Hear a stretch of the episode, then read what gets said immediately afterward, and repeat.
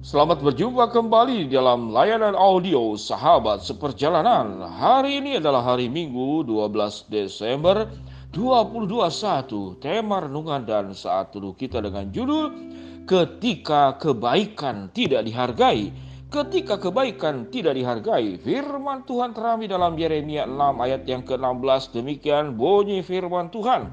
Beginilah firman Tuhan, ambillah tempat di jalan-jalan dan lihatlah Tanyakanlah jalan-jalan yang dahulu kala, di manakah jalan yang baik? Tempuhlah itu. Dengan demikian jiwamu mendapat ketenangan. Tetapi mereka berkata, kami tidak mau menempuhnya. Di dalam Roma 12 ayat 12 dikatakan, jangan engkau kalah dengan kejahatan, tetapi kalahkanlah kejahatan dengan kebaikan. Mari kita berdoa. Bapa yang di dalam surga ya Tuhan menjadi orang baik dan berbuat baik di zaman sekarang ini bukan perkara-perkara mudah. Tatkala kami berbuat baik lalu kami mendapatkan respon yang tidak baik, itu membuat kami hilang semangat, bahkan kami berhenti berbuat baik. Yang terparah kami mencoba melakukan tindakan perlawanan untuk perbuatan tidak baik kepada kami semua. Dalam nama Tuhan Yesus kami berdoa. Amin. Shalom sahabat seperjalanan yang dikasih Tuhan. Temanya adalah ketika kebaikan tidak dihargai. Sahabat seperjalanan, berapa banyak sahabat seperjalanan punya pengalaman yang seperti demikian. Ketika kita sudah berbuat baik dengan tulus hati, dengan kesungguhan, dengan tanpa tujuan, dengan tanpa kepentingan, ternyata respon yang diterima adalah tidak baik Sedangkan kita meyakini kalau kita menabur saudara-saudara menanam mangga akan tumbuh buah mangga. Menanam kebaikan akan tumbuh kebaikan yang didapat kembali buahnya. Ternyata tidak demikian. Apa yang Alkitab katakan? Ketika engkau berbuat baik lalu mendapatkan respon yang tidak baik, kalahkanlah kejahatan itu dengan kebaikan. Tetapi apa yang terjadi dengan pengalaman-pengalaman sahabat perjalanan? Di dalam menghadapi sebuah peristiwa yang demikian. Kalau sahabat seperjalanan diberikan kesempatan untuk berbicara dan bercerita pengalaman bagaimana kita berbuat baik dengan tulus, dengan tapak kepentingan, dengan tidak hitung-hitung, kemudian respon yang kita dapat adalah justru respon yang tidak baik. Pertanyaannya, apakah benar perbuatan baik kita itu tulus? Apakah benar perbuatan baik kita itu tanpa kepentingan? Apakah benar perbuatan baik kita itu tidak dengan hitung-hitung? Tatkala perbuatan baik kita kemudian mendapatkan respon yang tidak baik, lalu kita kecewa, lalu kita trauma, lalu kita berhenti, maka sesungguhnya kita sedang punya kepentingan sewaktu berbuat baik.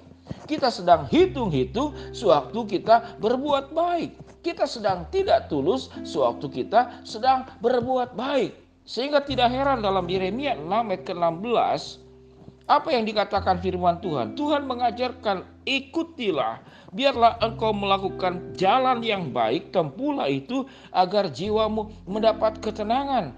Tetapi firman Tuhan berkata apa? Dalam Yeremia 6 ayat 16. Tetapi mereka berkata, kami tidak mau menempuhnya. Ini ayat firman Tuhan.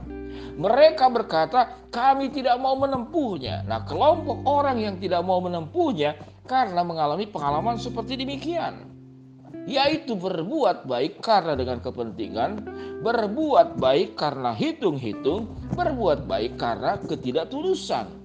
Orang yang tulus, orang yang tidak hitung-hitung, orang yang tanpa kepentingan, dia tidak peduli respon baliknya seperti apa dia akan tetap berbuat baik.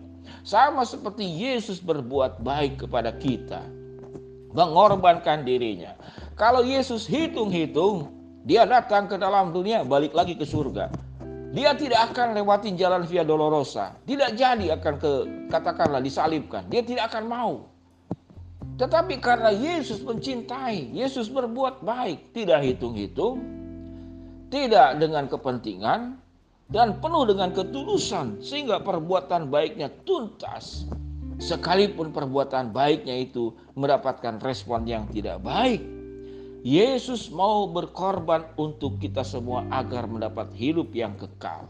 Tapi manusia membunuh Yesus, menyalibkan Yesus di bukit Golgota.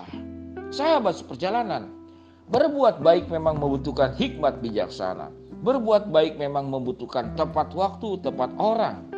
Maka itu adalah hal yang harus ditempuh agar kita jangan sampai perbuatan baik kita itu disalah manfaatkan, disalahgunakan. Namun kita tahu dengan jelas perjalanan Tuhan Yesus. Perbuatan baik Yesus disalahgunakan, perbuatan baik Yesus dimanfaatkan. Petrus mengikut Yesus karena demi ketenaran. Yudas mengikut Yesus karena masalah finansial dan ekonomi.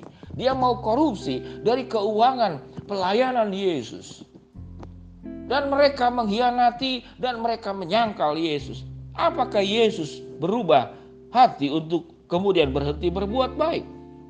Yang dikatakan Yesus, ya Tuhan, ya Bapa, ampunilah mereka sebab mereka tidak tahu apa yang mereka perbuat. Itu dikatakan juga kepada yang menyalibkannya. Itu juga dikatakannya kepada orang yang memang pada dasarnya manusia yang sudah dikuasai dosa, dia tidak belajar bagaimana merespon dengan baik perbuatan baik yang sudah ditabur. Jangankan kita berbuat baik, direspon baik. Yesus yang berbuat baik demi kepentingan yang paling mendasar bagi hidup manusia. Keselamatan jiwanya pun juga tidak dihargai. Sahabat seperjalanan, lalu apa itu upah berbuat baik?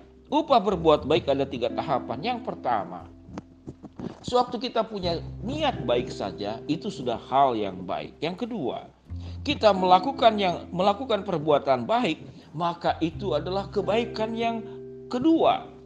Yang ketiga, kita berbuat baik, responnya tidak baik, kita tetap berbuat baik. Itu yang tertinggi. Sahabat seperjalanan memahami kebenaran firman Allah ini tidaklah mudah. Tidaklah mudah. Namun gambaran ibu yang mencintai anaknya, gambaran ayah yang mencintai anak yang hilang, Seorang ibu tetap menerima anaknya sekalipun autis, sekalipun mengalami gangguan kejiwaan, sekalipun dia cacat, dia tetap mencintai, dia tetap berjuang untuk membahagiakannya. Maka ini contoh tentang kasih dan cinta perbuatan baik seorang ibu kepada anaknya. Lalu bagaimana kita? Kalau itu adalah kepada anak, tentu wajar-wajar saja. Lalu bagaimana dengan kepada yang lain? Kita akan tahu bahwa perbuatan baik kita tidak pernah akan sia-sia di hadapan Tuhan. Karena kita sedang menjalankan apa yang diperintahkan Allah dan bukan diperintahkan oleh manusia. Karena kita sedang mengikuti jejak keteladanan Kristus untuk menjadi bagian yang kita lakukan juga di dalam dunia ini.